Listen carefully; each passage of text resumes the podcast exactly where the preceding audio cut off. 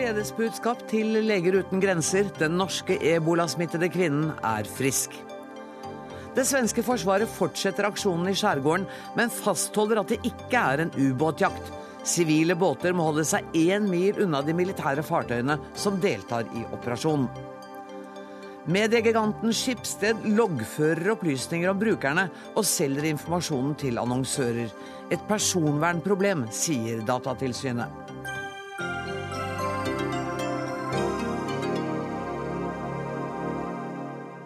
Dette er noen av sakene i Dagsnytt 18 denne mandagen, der vi også får en diskusjon mellom SV og Høyre om hvem som har forstått arbeidslinja. Men først. Jeg er utrolig takknemlig for den behandlinga jeg har fått der. I dag er jeg frisk og ikke lenger smittsom. Jeg føler meg heldig, og det føles egentlig ikke som om at jeg har hatt ebola. De som har vært og som er smitta med ebola i Afrika, har hatt og har en helt annen opplevelse enn meg. Dette sa en glad og frisk Silje Lene Michaelsen på den pressekonferansen som ble holdt for en liten stund siden, i forbindelse med at uh, den ebolasmittede legen nå er friskmeldt. Reporter Rina Kjelle, du er på Ullevål sykehus. Um, Silje Lenne Michaelsen fortalte om sin egen sykdom, men først og fremst satte hun det opp mot kontrasten til de som blir syke i Afrika. Hvordan var stemningen der da hun snakket til pressekorpset?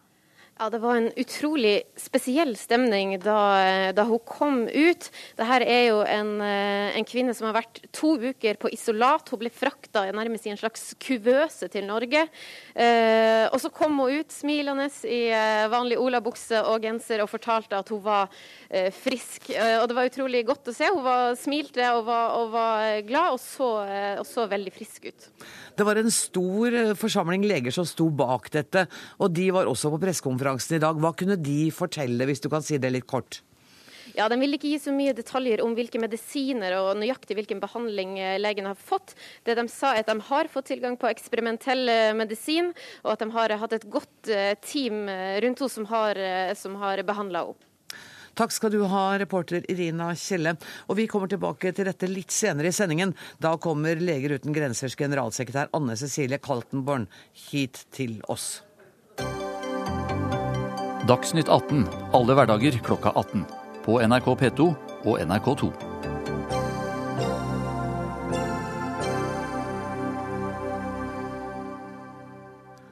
Det svenske forsvaret har i dag bedt alle sivile båter om å holde seg én mil unna alle militære fartøy som leter etter en mulig fremmed ubåt i Stockholm skjærgård.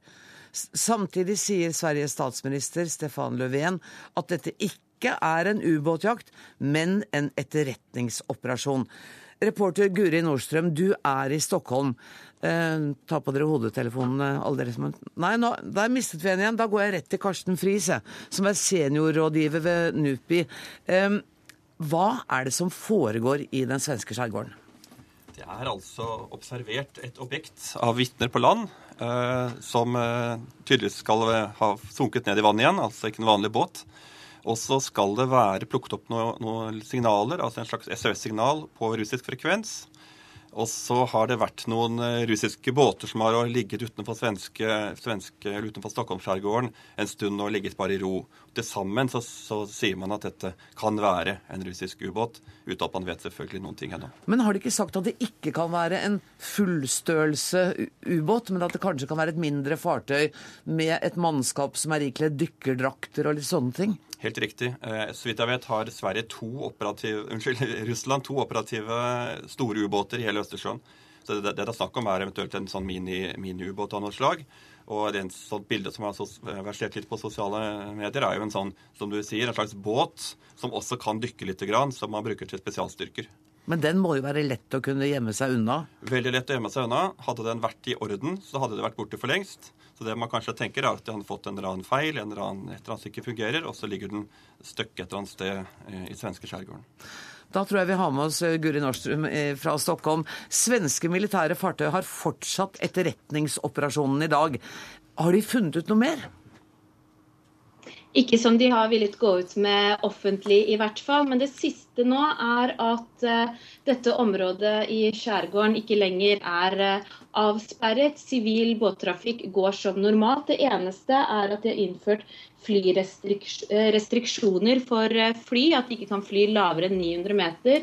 Og det sier de er for at, de er, for, for at dette er for flysikkerheten sin skyld, fordi de har egne fly i uh, området. Vi hørte Karsten Friis her referere til bl.a. en oljetanker som ligger eh, uti der, og som har fått mye oppmerksomhet. Hva, som kanskje er et moderskip til denne undervannsfartøyet som de leter etter. Vet du noe mer om det? Ja, De har faktisk sendt ut en pressemelding i dag hvor de takker for oppmerksomheten og sier de er smigret over at de har fått så mye blest i mediene. Og samtidig så avviser de at de har noe som helst med dette her å gjøre. De er på vei, skriver de, tilbake til Primorsk i, i Russland for å laste ut olje. Og så vil de etter hvert eh, sette kursen mot USA, som de sier har vært planen hele veien. Den svenske statsministeren eh, Stefan Löfven var på offisielt besøk i Finland i dag. Hva har han sagt om situasjonen? Han understreker jo at dette her ikke er en ubåt operasjon, noe vi har hørt gjentatte ganger fra svenske myndigheter, men at det er en etterretningsoperasjon. Og han sier nå får vi jo finne ut hva dette her dreier seg om, før vi kan gjøre noe mer. Tusen takk skal eh, du ha, Guri Nordstrøm. Karsten Friis til deg igjen. Hvorfor er myndighetene i Sverige så veldig iherdige på å insistere på at det ikke er en ubåtoperasjon? Nei, De vil jo ikke si det før de vet. Eh, og det er noe med at ubåtoperasjon da gir det kalde gufs til den kalde krigen, mm. eh, hvor man hadde dette. Og vi husker, iallfall, vi som er litt eldre, husker iallfall den der såkalte Whisky on the Rocks, da en russisk ubåt, sovjetisk ubåt gikk opp på et skjær i svenske skjærgården.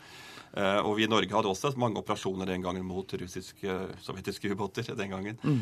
Eh, så man vil ikke, vil ikke spille opp det, tror jeg unødig, før man vet hva det egentlig er for noe. Men kan det være noen andre nasjonaliteter enn russisk, hvis vi er helt ærlige? Ja, altså Andre land opererte i svensk skjærgård under den kalde krigen, men jeg tror nok i dagens situasjon så hadde nok de hvisket svenskene det i øret, og så hadde man løst det på en litt annen måte. Det tror jeg nok. Så, så, men det kan være noe privat, det kan være noe helt annet. Vi skal ikke utelukke noen ting. Asle Tøye, du er utenrikspolitisk forsker og har skrevet en bok som heter 'Jernbyrd', og som handler om den russiske flåten i Kaliningrad. Hvor godt rustet er egentlig russerne? Nå hørte vi at de har to uh, fullt utstyrte ubåter. Det er det hele. Ja, uh, I Østersjøen så ligger den største marinebasen i Europa. Den heter Baltysk. Uh, russisk base. Jeg var og besøkte den nå i mai. Situasjonen i den russiske marinen er, er veldig, veldig dårlig. Båtene står og, og synker på fortøyningstrossene. Den lange rekken av store og grove uhell som man har sett med russisk marine etter den kalde krigen, eh, er et resultat av underfinansiering av og at eh, en flukt av kompetanse fra det russiske forsvaret, som har gjort at land som Norge og Sverige nok har når vi har sett russisk eh, marineaktivitet, så har vi vel vært mer bekymret for om de skal skade seg selv, enn at de skal skade andre. Men er ikke dette litt pussig? Hvis uh, Putin har lyst til å vise muskler og krefter, hvorfor ikke da investere og oppgradere og modernisere marinen? Ja, eh, Russerne oppgraderer og moderniserer, men marinen har ikke vært de som har vært begunstiget så langt. Eh, det er i ferd med å, snu seg. Russerne, som gode, en god forretningsmann eller en god butikkeier, så stiller de de beste varene i utstillingsvinduet, eh, og det som står på lager, er stort sett rust.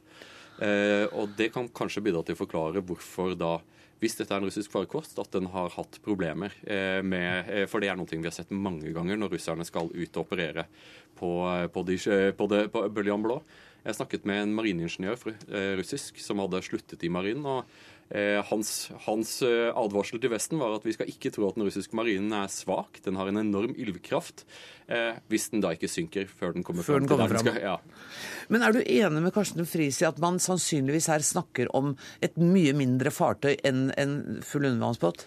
Dette er spekulasjoner. Det vi har er et bilde ja, men La oss nå gjøre det ja, litt. Det, grann, da. Vi har et bilde fra, som hevdes å være fra 2008 av en prototype på en båt som går til lands og til vanns og, og i luften med, har jeg inntrykk av. Eh, lagde, Sovjetrusserne lagde mange prototyper på mange rare våpen under den kalde krigen. Veldig mange av dem ble aldri produsert. Eh, det at man skal hoppe til en konklusjon om at det, det, det, det er vi, det vi ser i skjærgården nå, er å ta det for langt. Hva vi skal kanskje fokusere mer på, er hvorfor russerne gjør dette. Eh, for Sverige har valgt en utenrikspolitisk veldig pussig strategi, der de på den ene siden har vært eh, den sterkeste hauken i å kritisere Russland og dets opptreden i Ukraina, Georgia og andre steder. Har Vært veldig konfronterende. Samtidig som de har redusert sitt forsvarsbudsjett til mikroskopiske 1,1 av BNI. Eh, landet har veldig liten evne til å forsvare sitt eget territorium. Og sånn, I et historisk perspektiv så ville det være en, en tapestrategi. Eh, og det er vel kanskje det også russerne ønsker å signalisere til Sverige. At eh, det kan ha en pris å legge seg ut med Russland. Karsten Friis, eh, hvis, nå, hvis svenskene nå skulle finne denne ubåten, da blir det jo et diplomatisk rabalder ut av denne verden. Ja, Det blir det selvfølgelig. eh, Men eh, hvis vi ser på det som skjedde den gangen i 1981 så, Ja, så, Dra den historien kort for oss. ja, Som sagt så kjørte da et sovjetisk eh, ubåt opp på et skjær langt inn i skjærgården. Og de påsto først at de hadde feilnavigert. Og da måtte de feilnavigert veldig, veldig avansert for å komme så langt inn. Man kan ikke se grensen under vann, som Harald Edestein sa. Ja. Ja, nei, men det, sånn at det var komplisert å komme seg så langt inn. Så det gikk på, det var ingen tvil om at de var der med, med, med vilje. Og selvfølgelig så det diplomatisk som, svenskene gjorde, var å, å klage formelt sett på, på brudd på, på, på grensene. Uh, og så var det en ganske dramatisk operasjon fra russisk-sovjetisk side om å, å hente den tilbake, hvor det faktisk gikk så langt at, at, at kystartilleriet i Sverige måtte altså, sette target, altså låse kanonene sine, kystartilleri, på de fartøyene som kom inn. Da går radaren i en spesiell modus som gjør at, at de båtene som kommer, merker det. Og da snudde de med en gang. Men det var veldig dramatisk. Eh, mer enn vi kanskje husker. Iallfall så prøvde russerne Sovjetunionen å pusle så langt de kunne den gangen. Og så løste det seg jo etter hvert med at, eh, at mannskapet fikk reise tilbake, og sånn, og, og det ble en diplomatisk eh, løsning på det, om du vil. Og det kommer det til å bli denne gangen også, hvis det nå skulle vise seg å være et russisk eh, fartøy det er snakk om. Anniken Huitfeldt, det har vært, som vi hører her, en ganske aggressiv tone fra Sveriges side overfor Russland. Ja, Vi har jo sett det da utenriksministeren eh, Børge Brende dro til Ukraina. Så dro han sammen med den finske utenriksministeren, som har hatt en litt annen tone, som har vært klokkeklar på brudd på folkeretten, men som har valgt en annen tone i forhold til russerne. Og Jeg tror nok det mer skyldes Carl Bildt som person enn svensk politikk. Eh, Nå har det kommet en svensk forsvarsutredning, den kom i mai, tverrpolitisk, og de signaliserer altså økte investeringer i Forsvaret. Og Det som er viktig å se på forskjell på norsk og svensk forsvarspolitikk de siste årene, er at vi har hatt en styrking av Forsvaret. Vi har hatt en modernisering av Forsvaret, og det tilsvarende har ikke skjedd på svensk side. Så det er vel en erkjennelse i Sverige nå at nå vil styrke det svenske forsvaret. Er dette også en bevegelse fra svenskenes side i retning av Nato? Det tror jeg ikke. Det tror du ikke? Carl Bildt var nok tilhenger av Nato, eh, men han har liten oppslutning i svensk politikk, slik at jeg har ikke noe tro på at svenskene søker Nato-medlemskap. Nå drar de til Finland. Eh, De har jo noe av den samme diskusjonen der har hatt det, men jeg tror ikke det blir aktuelt. Men jeg tror det blir at begge land ønsker å styrke sine forsvarsbudsjetter, at de ønsker økt samarbeid med Nato, at de ønsker økt nordisk samarbeid, men jeg ikke tror på verken svensk eller finsk Nato-medlemskap. Jeg glemte å si at du leder utenriks- og forsvarskomiteen for Arbeiderpartiet. Kristian Norheim, du er, sitter i utenriks- og forsvarskomiteen for Fremskrittspartiet. Hvordan er din vurdering av et eventuelt svensk Nato-medlemskap? Nei, altså Jeg håper jo at eh, både Sverige og Finland eh, etter hvert slutter seg til Nato, som er den viktigste organisasjonen Norge er medlem av, eh, og som da ikke har blitt mindre viktig med åra, men faktisk enda mer viktig. Og Det har vi da sett også i gledesrusen etter at muren falt og at ting så så bra ut. Så viser det seg at man må forberede seg på en regnværsdag. Og Derfor så er Nato viktigere enn noensinne. Og jeg håper selvfølgelig at både Sverige og Finland kommer inn i Nato til slutt. Nå hørte vi Anniken Huitfeldt si at det er lite sannsynlig, i hvert fall akkurat nå. Hvordan vurderer du det? Jeg tror det er noe som eh, Det er en debatt som pågår, både i Finland og i Sverige. Og jeg tror det er noe som eh, Det er vanskelig å spå noe om det nå.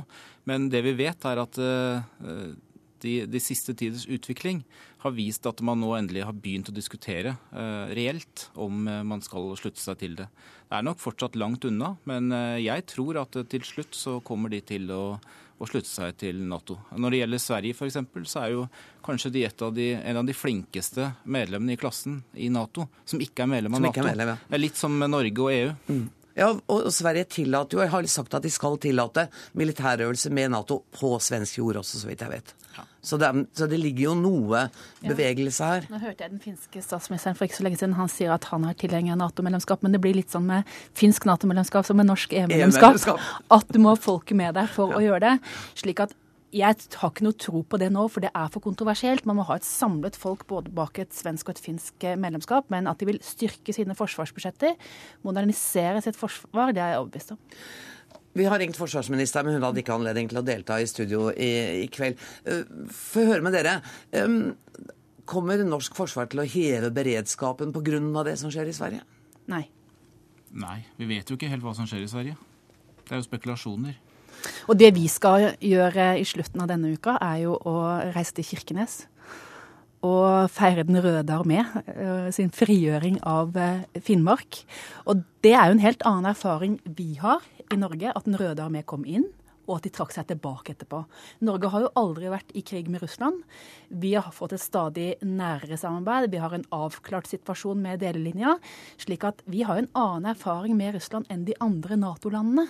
Så faren for å få en russisk uh, ubåt i norske fjorder er ikke til stede? Jo, det er det. Men det er jo ikke det vi snakker om nå. Det nei, nei. vi snakker om, er om det er økt spenning i nordområdene. Og det er det ikke når det gjelder Norge? Det er en annen situasjon enn det var tidligere. Men det er klart at vi har en annen historisk erfaring med russerne. slik at vi har aldri vært i krig med dem. Og Russland har ulik naboskapspolitikk. De har én politikk i Ukraina, som de føler er sitt nærområde, hvor de kan ha innflytelse. Men de har alltid akseptert at Norge er en del av den vestlige sfære. Asle Taide Lo nå. Ja, eller så, Det er nok ikke historie som kommer til å avgjøre Norges forhold, eh, forhold til Russland. Det er, det er, jo ikke sånn at, at uh, historiske vennskap nødvendigvis varer, eh, varer evig. Saken er at Putin er en ny type politiker. Han bruker militærmakt for, som en forlengelse av politikk. Eh, når, han, når, de i 2013 fløy angrepsraid, sannsynligvis med atomvåpen, mot Sverige, så var det et signal til Sverige om at det har en pris. Sverige har vært den mest haukete av hauker mot Russland. Norge har vært den største duen av dem alle. Mm. Eh, Iallfall over Gjørga-krisen, Og resultatet er at vi har et bedre forhold til russerne enn det Sverige har. Og det skal vi kanskje være glad for akkurat nå. Friis? Ja, men Samtidig så må vi huske på at, eh, at etterretningsvirksomhet mot land det har, russ, det har, russerne holdt på med lenge, både mot Norge og Sverige, og vi gjør det mot dem. Og dette er litt uavhengig av Ukraina-krisen, så, så, har dette foregått og blitt opptrappet la oss si, siden 2007-2008. Sånn at samtidig så må vi ikke la Ukraina-krisen farge dette for mye. Eh, det er noe som kunne skjedd også for et år siden. Ja, så skal vi huske det at eh, Norge er jo heller ikke forberedt på, noen, eh, på å forsvare sitt eget territorium. Eh, vi har hatt noen forsvarsreformer. På, så, på samme måte som svenskene så har Stortinget ikke vært flink nok til å følge opp med penger. Og de har lagt noe en langtidsplan i Sverige nå for de neste ti årene. Det har de gjort før, og de har kuttet budsjettene på samme måte som at etter da dette raidet i 2013 i mars, så, så, glemte man det fort nok. Og det er alltid en fare for at når da denne ubåtjakten er over, så vil ting dempe seg igjen, og så vil finansministeren finne andre verdige ting å bruke pengene på heller enn forsvar. Eh, og der står vi. Det er vel slik at eh, forsvar alltid er en del av offentlig sektor. Mm. Og vi har hatt en regjering i Sverige som har kutta offentlige utgifter over en lav sko. Eh, vi har hatt en annen regjering i Norge. Jeg er glad for at den nye regjeringen følger opp langtidsplanen for Forsvaret. Det er viktig i Norge. Eh, vi ser et annet Russland nå enn eh, før. og Derfor er det viktig at vi gjør investeringer i nytt materiell og moderniserer vårt forsvar. Og så får vi håpe at vi får en rask avklaring på det som skjer i Stockholms skjærgård. Tusen takk for at dere kom til Dagsnytt 18. Karsten Friis, Asle Toje, Annike Huitfeldt og Christian Norheim.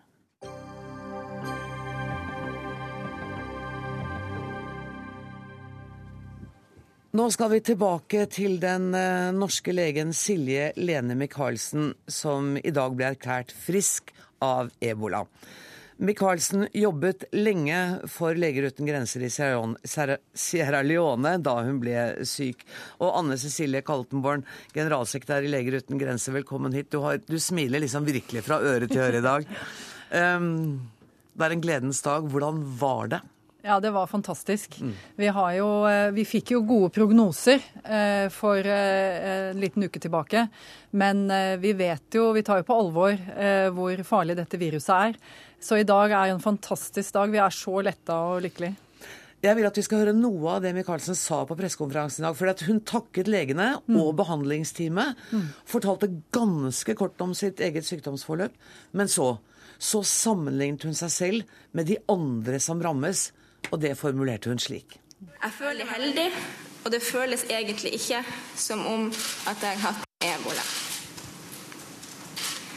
De som har vært, og som er smitta med ebola i Afrika, har hatt og har en helt annen opplevelse enn meg.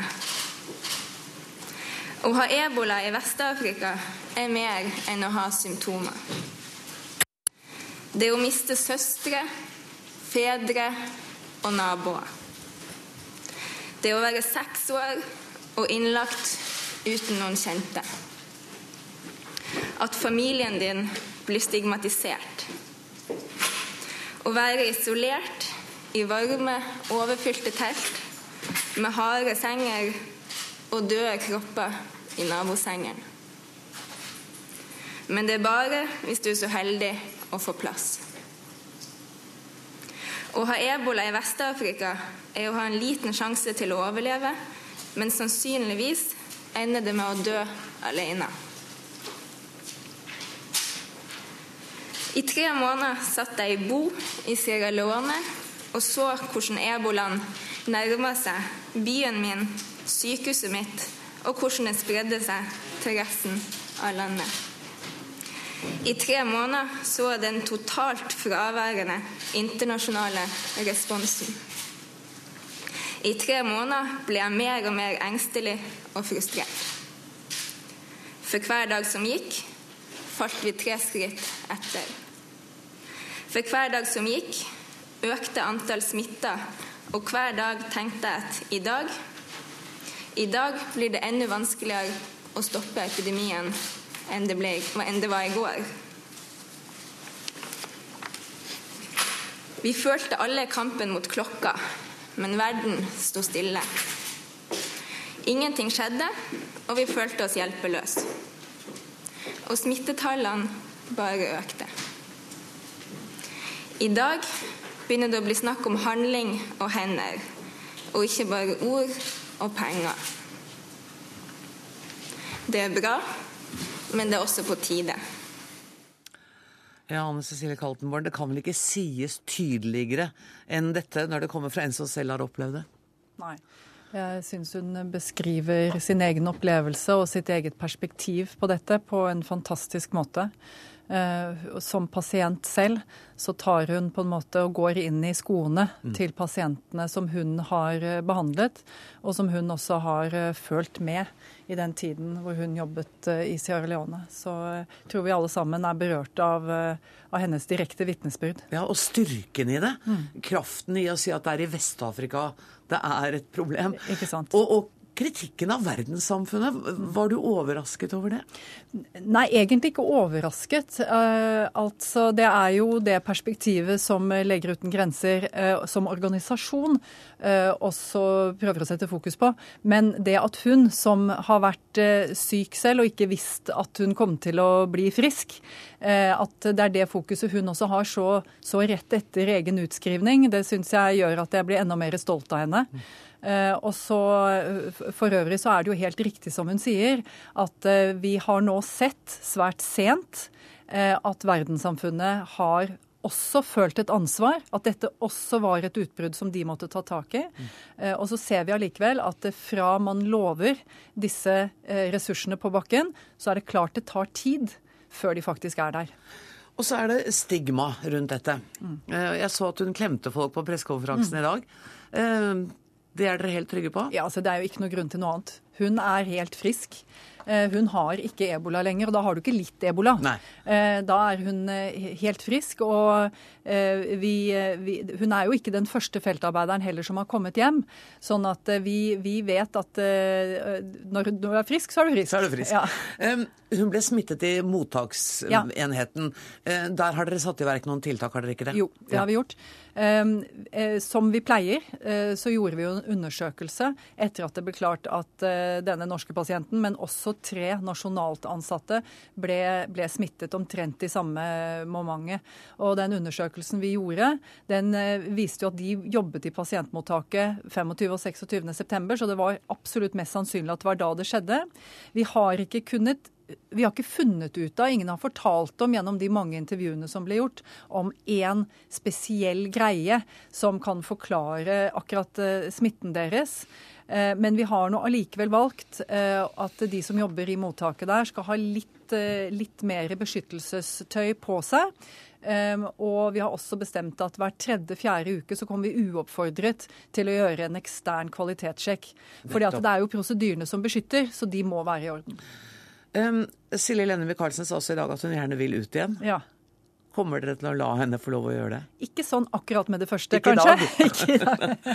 Nei da. Men, uh, men uh, den innsatsen som hun har gjort, den trenger vi mer av. Vi trenger flere som henne for å stoppe denne epidemien og for å gjøre arbeidet for øvrig. Sånn at jeg syns det var veldig flott at hun la til det. Så på et eller annet tidspunkt kommer hun sikkert til å reise ut igjen? Ja, det tror jeg nok. Tusen takk for at du kom til Dagsnytt 18, Anne Cecilie Kaltenborn fra Leger uten grenser. Takk.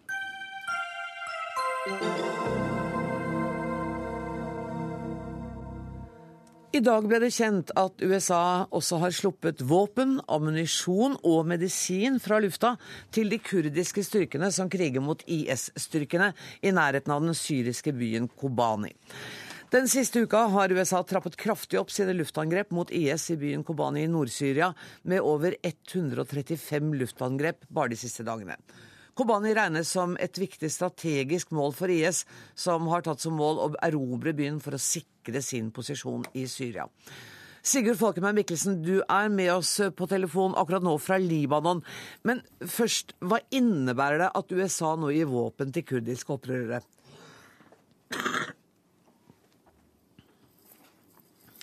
Ja, dette er jo et uh, enormt uh, skifte uh, for kurderne særlig. De har kjempet alene i svært lang tid mot IS. og Da jeg var der oppe, og snakket jeg med mange, både sivile og soldater, og det eneste de ba om, var mer våpen. De var ikke interessert i humanitær hjelp, de ville ha våpen for å kunne forsvare seg.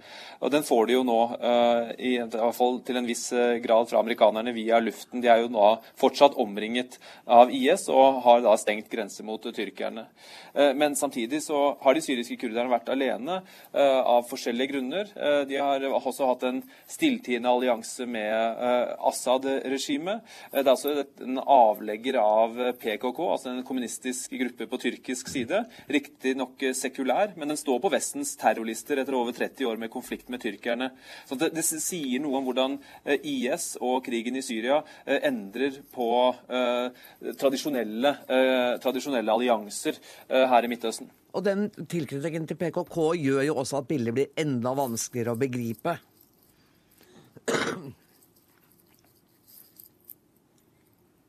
Hallo? Ja, det, er ikke, det, er egentlig ikke, så vanskelig. Uh, dette er en avlegger eh, av, og alliert av uh, tyrkiske PKK. og Det er en, en grense som går der, med tyrkerne på den ene siden, uh, og tyrkerne som da ønsker åpenbart, i hvert fall fram til nå, har de vært mer opptatt av å svekke PKK enn å svekke IS. og De har da endret noe på det i dag ved å slippe inn, sier i hvert fall at de skal slippe inn irakiske kurdere, men også her går det en konflikt mellom irakiske kurdere og syriske kurdere kurdere. sånn at eh, det er mange spill som foregår uh, parallelt her. Uh, men det viktigste tror jeg for, for verdenssamfunnet har jo vært at Kobane har blitt et symbol. det har etter hvert fått mye medieoppmerksomhet, og jeg tror at for amerikanerne så ville det vært et stort nederlag hvis denne byen ville falle, og det de da, prøver de da så godt de kan å, å hindre. Er det noen tydelige tegn på at IS er svekket nå etter den amerikanske bombingen?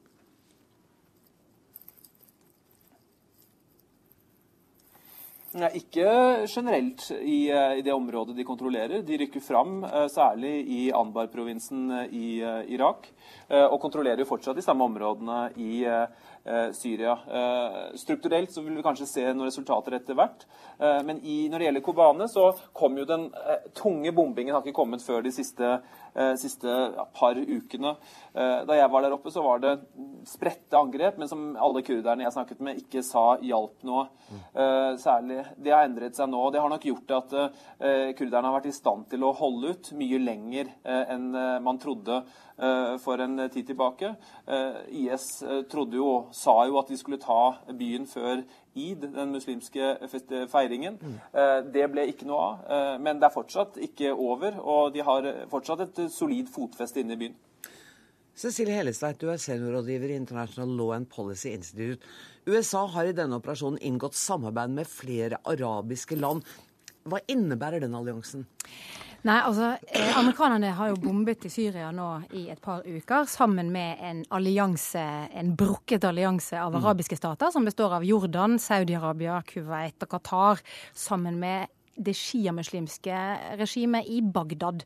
Og Det gjør at eh, man får eh, Altså det gir amerikanerne en slags folkerettslig skydd, som handler om en slags type selvforsvar. Mm. Eh, amerikanerne de har bombet Nusra-fronten, som jo er Al Qaida-linket, som en del av denne verdensomspennende krigen mot terror.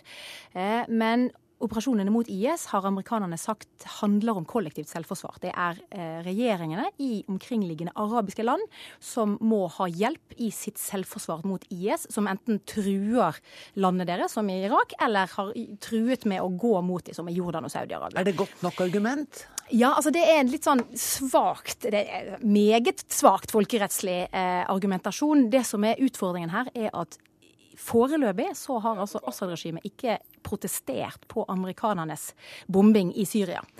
Eh, Det kan Assad gjøre når han vil, og da vil amerikanerne og omkringliggende arabiske land stå i en liten kattepine. For hvis, hvis, altså hvis Syria sier nå anser jeg dette for å være brudd på min suverenitet, som de jo kan etter FN-pakten, eh, eller Iran eller Russland kan presse Assad til å si det samme, så blir amerikanerne stående på en måte i en felle. Så Derfor er det veldig viktig at amerikanerne nå er veldig forsiktige i måten de tilnærmer seg bombingen og operasjonene i Syria på. For i det øyeblikket Assad setter foten ned, så har vi en helt annen situasjon. Og alt det som skjer rundt Kobane, bærer preg av dette. Fordi eh, Eh, amerikanerne har sagt lenge at vi kommer til å sende våpen til syrerne. Men de har på en måte ikke helt gjort det ennå. De har ikke plukket sine partnere. Og det er også noe av det Assad-regimet sitter og venter på. For han vil kanskje ha hjelp i kampen mot IS, men han vil ikke at noen skal blande seg inn på motsatt side i den syriske borgerkrigen. Og Hvilken rolle har FN spilt i amerikanernes aksjoner nå? Det er FNs sikkerhetsråd, som jo kunne ha autorisert en operasjon i Kobane, har ikke gjort det. Og det gjorde jo for så vidt FNs sikkerhetsråd i forhold til situasjonen i Irak, hvor FNs sikkerhetsråd gikk inn og sa at nå må de landene som kan, må inn og hjelpe jesidiene og de minoritetene som er i skvis i Nord-Irak. Men det var også fordi at regjeringen i Bagdad hadde sagt vi vil ha hjelp. Og det gjør at situasjonen i Irak, kampen mot IS og de irakiske kurderne er helt annerledes enn situasjonen i Syria. Og Det er også årsaken til at Tyrkia nå sier at vi aksepterer at peshmergere fra Irak kan komme til Syria nei, og, og slåss på vegne av kurderne i Syria. Fordi det blir en del av den samme operasjonen mot IS i Irak og Syria, men det blir ikke å blande seg inn i den syriske borgerkrigen.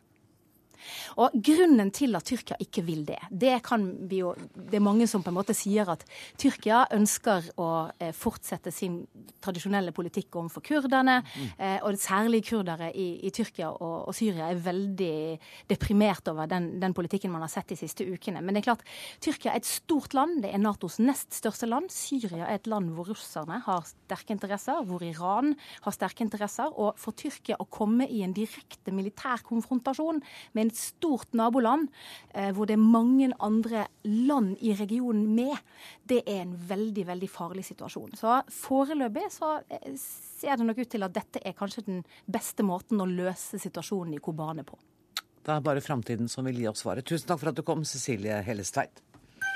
Hør Dagsnytt 18 når du vil. Radio NRK NRK.no.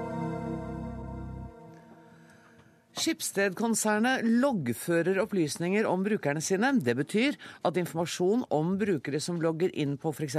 finn.no, selges videre til annonsører.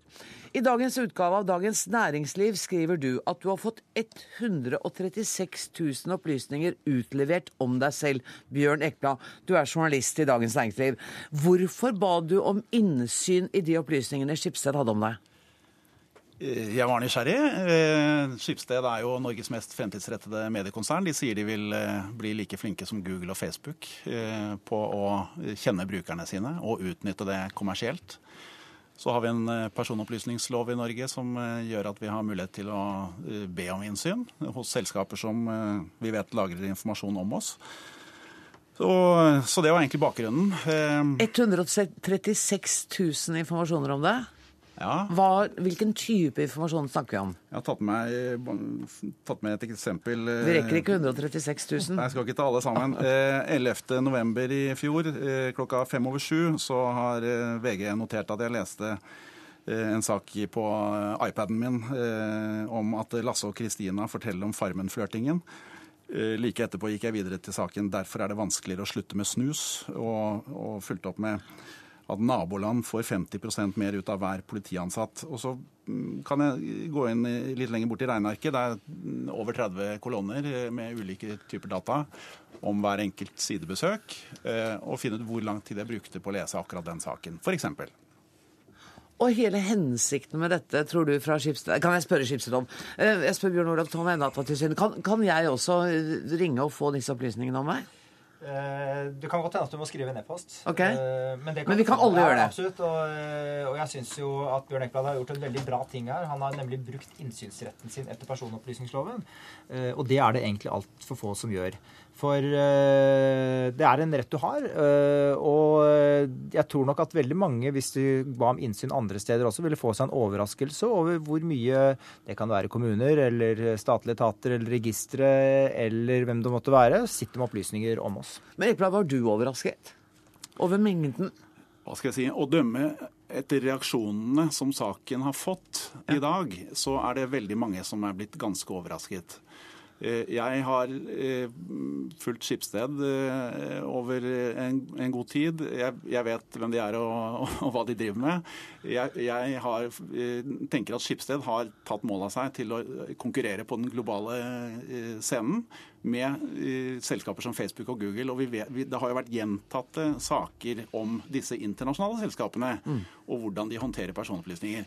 Så jeg ble ikke sjokkert, men jeg tror det å vise frem eh, omfanget, detaljrikdommen, mm. kommer som en overraskelse på mange. Jeg tror det er viktig at folk eh, tar det inn over seg, fordi eh, det vil gjøre at de skjønner mer om den digitale hverdagen de møter. Jeg følte meg i hvert fall ganske naiv da jeg leste saken din. tenkte at i all verden. Lars Vinden, du er personvernombud i Skipsted. Hva er hensikten med å samle denne type informasjon? Vi i Skipsted ønsker å forstå brukerne våre. Vi ønsker å vite litt om hvem de er, hvordan de bruker tjenestene våre, sånn at vi kan utvikle tjenestene våre og produktene våre, skape interessante, engasjerende tjenester. Og for å gjøre det så tror vi at vi må møte brukeren i brukerens situasjon. Ut fra hans interesser, hans ståsted, prøve å være relevante. Og da er det en helt åpenbar fordel for oss å ha informasjon om brukeren. Men dere gjør jo ikke dette, det er jo ikke noe blåkors. Dere gjør jo ikke dette fordi dere er glad i meg. Dere gjør jo dette fordi dere vil tjene penger på meg. Eh, vi ønsker jo eh, å lage gode produkter. Eh, det er det som driver Skipsted som konsern. innovasjon og entreprenørskapet i Skipsted står veldig sterkt. Uh, selvfølgelig Når vi lager tjener, tjenester, så ønsker vi jo også å kunne kommersialisere disse tjenestene. Vi må ha uh, inntekter, sånn at vi kan finansiere gravejournalistikk f.eks. For, uh, for at vi skal kunne finansiere trygge markedsplasser, den type ting. Så dere må ha alle disse 136 000 informasjonene om hver enkelt av oss for å kunne sikre gravejournalistikken?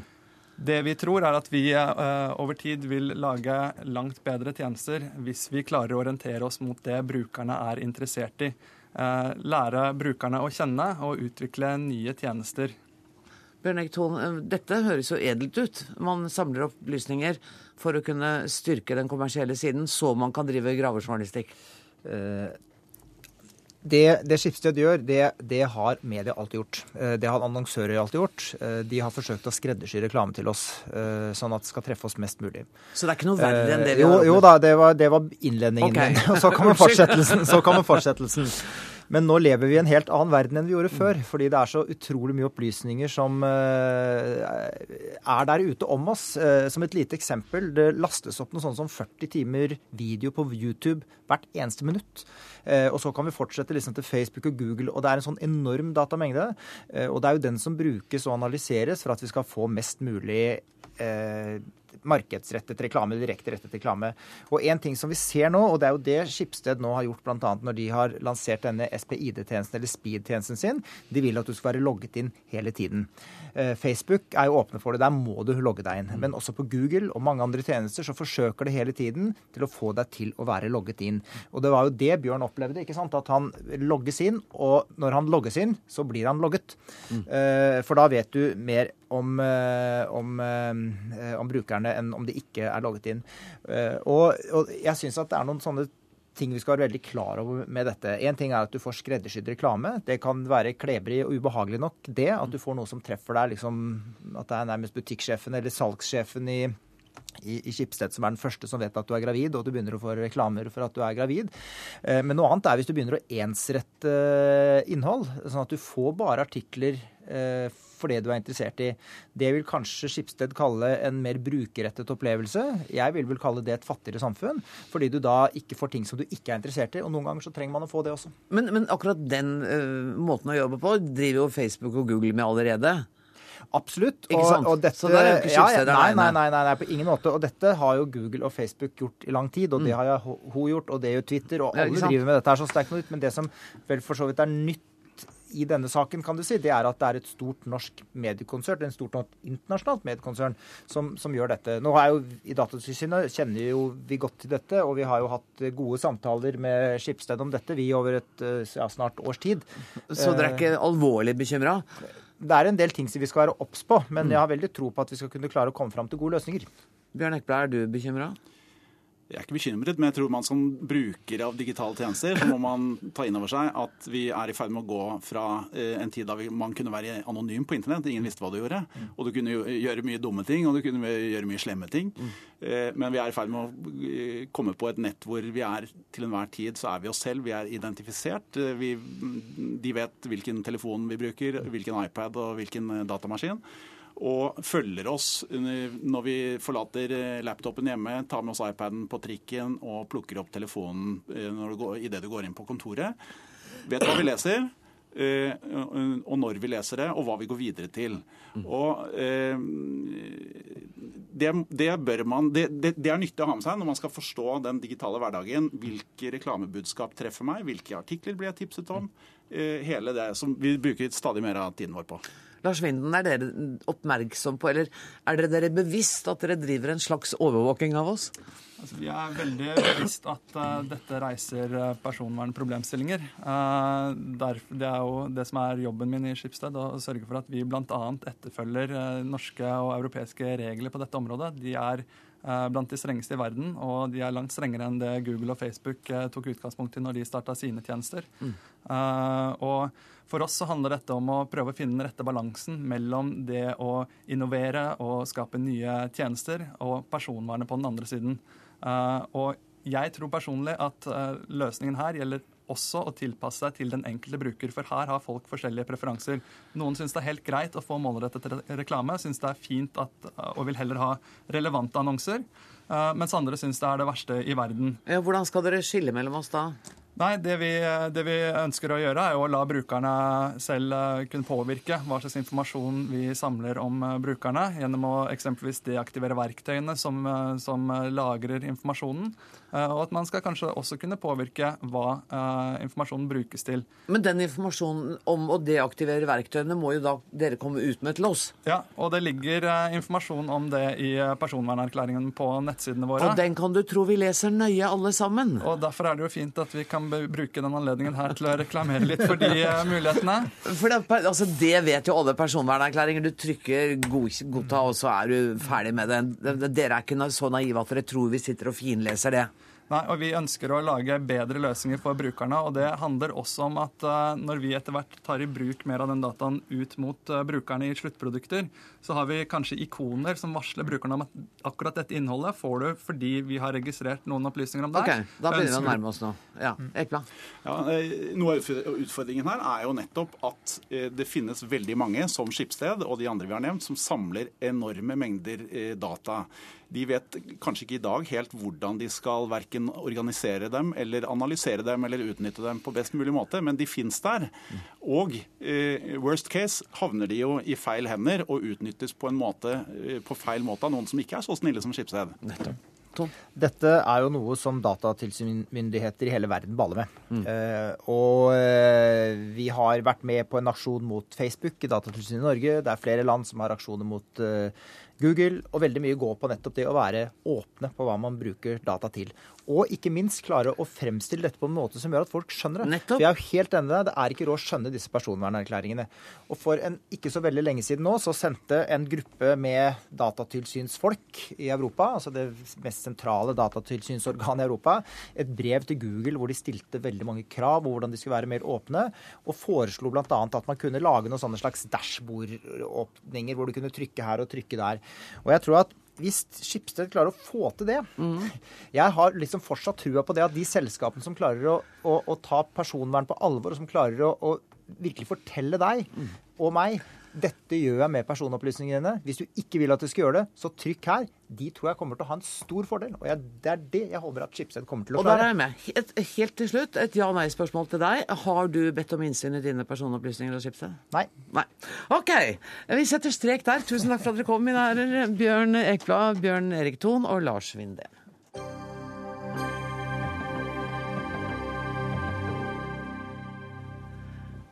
I sommer ble en mann angrepet med glassflaske i Birkelunden i Oslo. Grunnen var at han var homofil. For å ta et oppgjør med hatvold bør Den norske kirke og andre trossamfunn som ikke vil vie homofile, miste vigselsretten. Det skriver du i et innlegg i Dagbladet, bl.a. Nicolas Wilkinson, leder i Sosialistisk Ungdom. Hvordan vil det hjelpe homofile at heller ikke heterofile skal kunne gifte seg? Det det handler om, er at vi må ha et samfunn der vi viser at vi har respekt for menneskeverdet.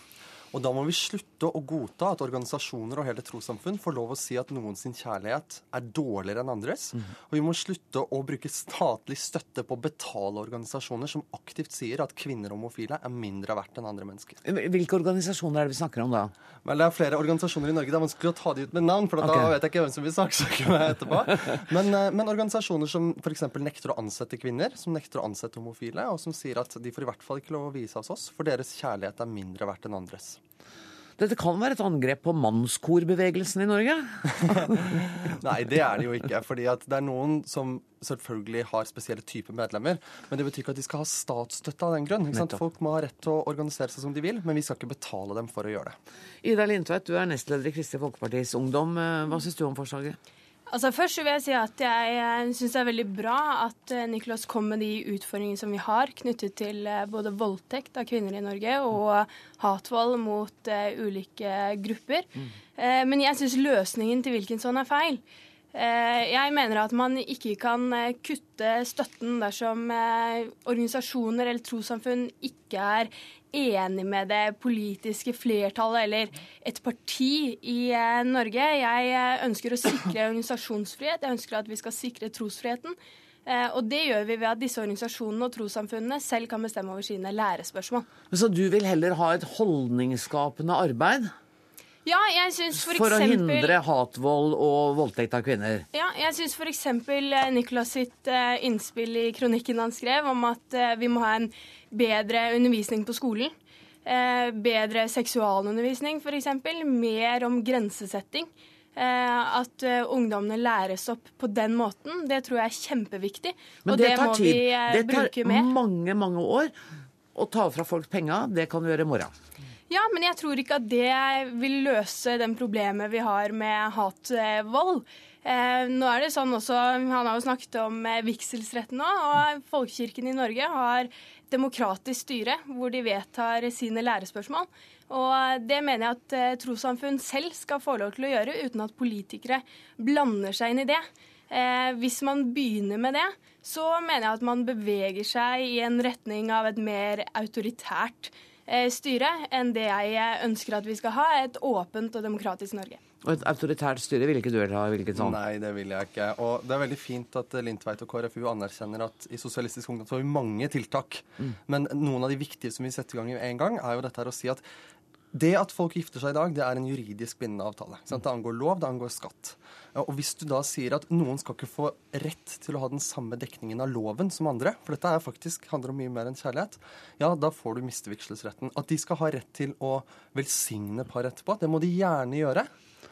Men det er noe helt annet. Men akkurat denne diskusjonen om at uh, forslaget om at alle vigsler skal foregå uh, borgerlig, uh, det er jo ikke en ny diskusjon, og det er ikke noe som du har dratt opp. Og, den, og kanskje kommer dette til å skje. Ja. Men, men jeg er fortsatt mer opptatt av disse pengene som organisasjonene skal fratas. For skal man gjøre det, så må man jo da lage en liste over alle disse organisasjonene.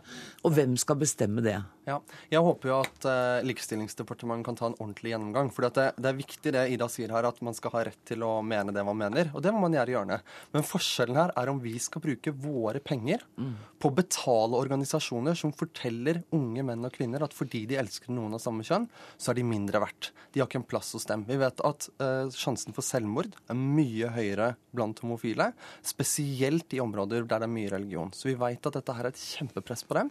Og det er vi nødt til å gjøre noe med. Vi kan ikke sitte her og bare godta at det fortsetter. Men det, disse tiltakene dine vil jo ikke gjøre noe med hatvold. Altså den vennen som du beskriver, Mm. som ble slått ned med en flaske. Eh, det vil jo fortsatt skje. Det tror jeg nok kanskje fortsatt vil skje, men det som er viktig er at det fins grupper med mennesker i Norge som møter i organisasjoner som får statsstøtte, der de blir fortalt dag er etter dag at homofile er mindre verdt enn andre. Og det er jo ingen hemmelighet at du går ikke bare ut på gaten og tenker at nå skal jeg utøve vold mot noen. Det krever at du er i et miljø der folk forteller at det er greit. Og det er vi nødt til å sette en stopper for. Vi må i hvert fall slutte å bruke statlige penger på å sponse sånne holdninger. Ida Lindtveit. Ja, altså Først vil jeg si at staten ikke kan være et meningskorrektiv eh, til organisasjoner eller trossamfunn. Og så ønsker jeg også å utfordre Niklas på hvilke kirkesamfunn for eksempel, eller hvilke organisasjoner som har sagt at homofile er annenrangs borger, eller at eh, deres kjærlighet er mindre verdt enn andre. For det vil jeg også ta sterk avstand fra. Jeg eh, ønsker ikke at det skal skje med noen. Jeg ønsker ikke at noen skal få beskjed om det, verken når det gjelder legning, etnisitet eller andre forhold. Eh, Så det syns jeg er veldig synd hvis det skjer, og jeg ønsker å utfordre ham. For jeg tror ikke at eh, det er kirkeledere for eksempel, i Norge som vil oppfordre eh, til hatvold. Eh, Jeg har eh, selv vokst opp i folkekirken, og jeg kjenner ikke igjen det bildet som tegnes. Og det er viktig er at De oppfordrer ikke til hatvold, men det de sier helt klart og tydelig, er dette folk som er mindre verdt. Min lokale prest nekter å velsigne homofile par. Det kjenner jeg på, at han syns at min kjærlighet er annenrangs. Og så vet vi at Den norske kirken, etter at de vedtok på kirkemøtet å nekte å vie homofile, så meldte det seg tusenvis av mennesker meldte seg ut av kirken. Det var en god dag fordi folk fikk sagt fra. Så mener jeg at ja, de må få styre seg selv, men vi skal ikke betale dem for å diskriminere. Dette er våre penger, det er skattebetalernes penger, og vi snakker ikke her bare om forskjellige meninger. Vi snakker om å aktivt si at noen mennesker er mindre verdt. og ikke Men dere, kanskje vi har bidratt litt grann i dag ved at vi faktisk snakker om det i dette studio. Så tusen takk for at dere kom, Nicolas Wilkinson og Ida Lindtveit.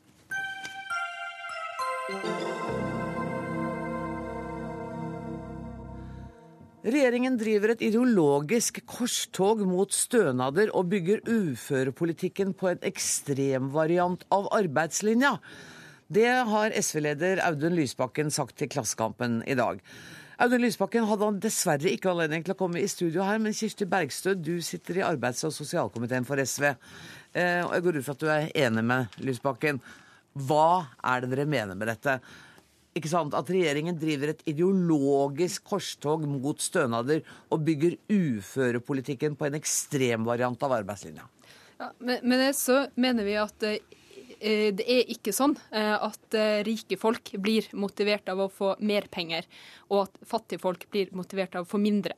Eh, og Det er jo det som kort sagt regjeringa legger opp til eh, i sin politikk, med enorme skatteletter til de rikeste og enorme kutt til dem som har minst fra før. I overgangsordninga for enslige foreldre, i, eh, i barnetillegget til uføre eh, og i ferieopptjening til folk som eh, mottar dagpenger, og, eh, det at eh, mennesker som tjener under 1G, mister foreldrepengerettighetene. ikke sant? Det er i sum eh, store innhogg i økonomien til dem som er aller minst fra før, og det er usosial politikk. Eh, og det bidrar ikke til eh, at flere kommer i arbeid. For det er ikke sånn at du blir friskere dess fattigere du er. Og ikke det. Eh, Stefan Heggelund, du sitter i arbeids- og sosialkomiteen for Høyre. Eh, altså Denne kritikken kan ikke komme overraskende på deg, men likevel så reagerte du sterkt da du leste uttalelsen i dag. Hva var det som sjokkerte deg? Altså først har jeg lyst til å si at jeg syns det er hyggelig å diskutere barnetillegget med ett av to partier som faktisk har hatt en konsekvent motstand mot barnetillegget. Nei, for at barnetillegget skal være sånn som det er i dag. Mm. Det er jo mer enn man kan se om Arbeiderpartiet, men vi skal la det ligge nå. Det som jeg reagerer på, er at de sier at vi har en ideologisk korstog mot stønader. Det er altså ikke sant.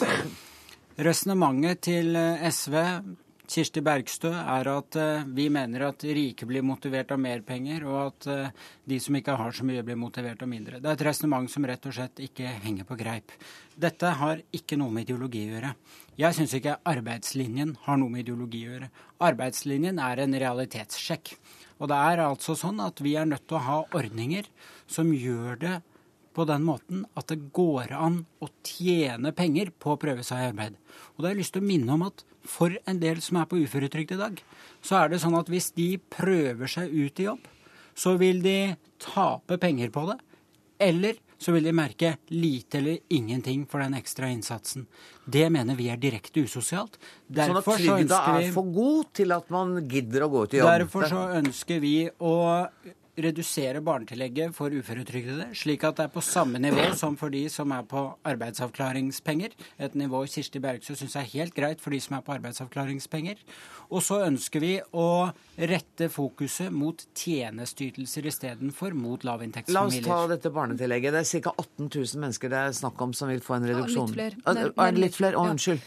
Eh, Det er det, og, og de får et ganske stort innhogg i sin økonomi. Og når, eh, når det blir sagt at, eh, at man skal sammenligne med den som går på arbeidsavklaringspenger, så er det to forskjellige ytelser. For arbeidsavklaringspenger det er kortvarig, mens uføreytelser er jo ment for syke folk som trenger en stabil eh, inntekt over tid.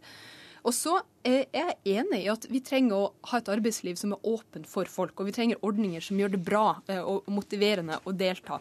Og Derfor så har vi et, eh, et forslag inne i Stortinget om at unge mennesker som blir ufør, skal få oppfølging fra Nav. Istedenfor bare å få en ytelse, så ønsker vi at de skal få en jevn oppfølging. For å se, hvis din helsesituasjon endrer seg, er det muligheter for at du skal delta i det arbeidslivet. det oppfordrer jeg Men til det å bli med Stefan på. Heggelund sier, er at hvis man som trygda begynner å jobbe, og det ikke er noen forskjell Du får ikke noe mer penger om du jobber enn om du er trygda. Men Problemet er at det er sånn skrivebordsteori her. fordi at det er ikke sånn eh, at det, det kan godt hende at mange trygda har en restarbeidsevne. At man klarer å jobbe litt, i perioder kanskje. Sannsynligvis ikke eh, en fast deltidsjobb i, i, som er lik hver måned. Men veldig mange eh, har en restarbeidsevne, og derfor så syns vi at folk skal få bruke dem. Men det å, å legge hele uføretrygdsystemet opp til at du skal eh, kutte vekk eh, tillegget til ungene, eh, det er grunnleggende usosialt, og det motiverer ikke til jobb i det hele tatt. Det er ikke sånn at, at folk blir friskere av å få kutta ytelser som er ment for å gå til leirskole, til fritidsaktivitet, til klær til ungene dine. Og Da nytter det ikke med billigere barnehage, fordi unger de koster penger til dem er 18 og vel så det. Mens barnehage det gjelder bare de aller første årene. Nå er ikke det det eneste vi gjør billigere barnehage for lavinntektsfamilier. Det er helt riktig. Det er noe denne regjeringen prioriterer, og som vi foreslår i statsbudsjettet. Men dette er altså ikke noe som eh, vi sitter og finner på. Dette er ikke skrivebordsteori. Hva er det du driver med nå? Ja, nå har jeg med meg noe. Dette her er tre utvalg som har Tre tjukke bøker. Tre tjukke bøker som nå ligger på bordet til alle de som lytter på radio. Det ene er Fordelingsutvalget. De problematiserte barnetillegget for uføretrygdede. Det andre er Velferds- og migrasjonsutvalget. De problematiserte barnetillegget til uføretrygdede og anbefalte at man reduserte stønaden. Det tredje er Uførepensjonsutvalget, som også eh, foreslår at man standardiserer barnetillegget for uføretrygde på lik linje med for de som er på arbeidsavklaringspenger. Nettopp fordi at det er en del mennesker som taper penger eller ikke tjener noen ting på jobben. Men når man gjør en sånn endring, så er det veldig viktig at man trekker inn noen tråder i den Mm. andre enden. Og hva er det? Jo, det ene har vi vært inne på. Jeg må, gå- jeg må gå hjem snart, jeg. Ja, Det må jo da vi òg, Ja, antakeligvis. Men det er også at vi prioriterer grunnstipendet for de som går på videregående, til de okay. som trenger det mest. Vi prioriterer bostøtten til de som trenger det mest. Vi øker støtten med funksjonsassistanse i Dere kan vifte så mye dere vil. Om 17 sekunder er vi av lufta. Jeg gleder meg til å lese de tre bøkene når jeg kommer hjem. Ansvarlig for eh, Dagsnytt 18 i dag var Andrea Kvamme Hagen. Det tekniske ansvaret har Karl Johan Rimstad. Jeg heter Anne Grosvold, og jeg takker Kirsti Bergstø og Stefan Heggelund for at dere var med i denne sendinga. Start dagen med Nyhetsmorgen. Hei, jeg heter Øystein Heggen. Fra halv sju er jeg på lufta i NRK P2 med nyheter og bakgrunn for å forstå nyhetsbildet.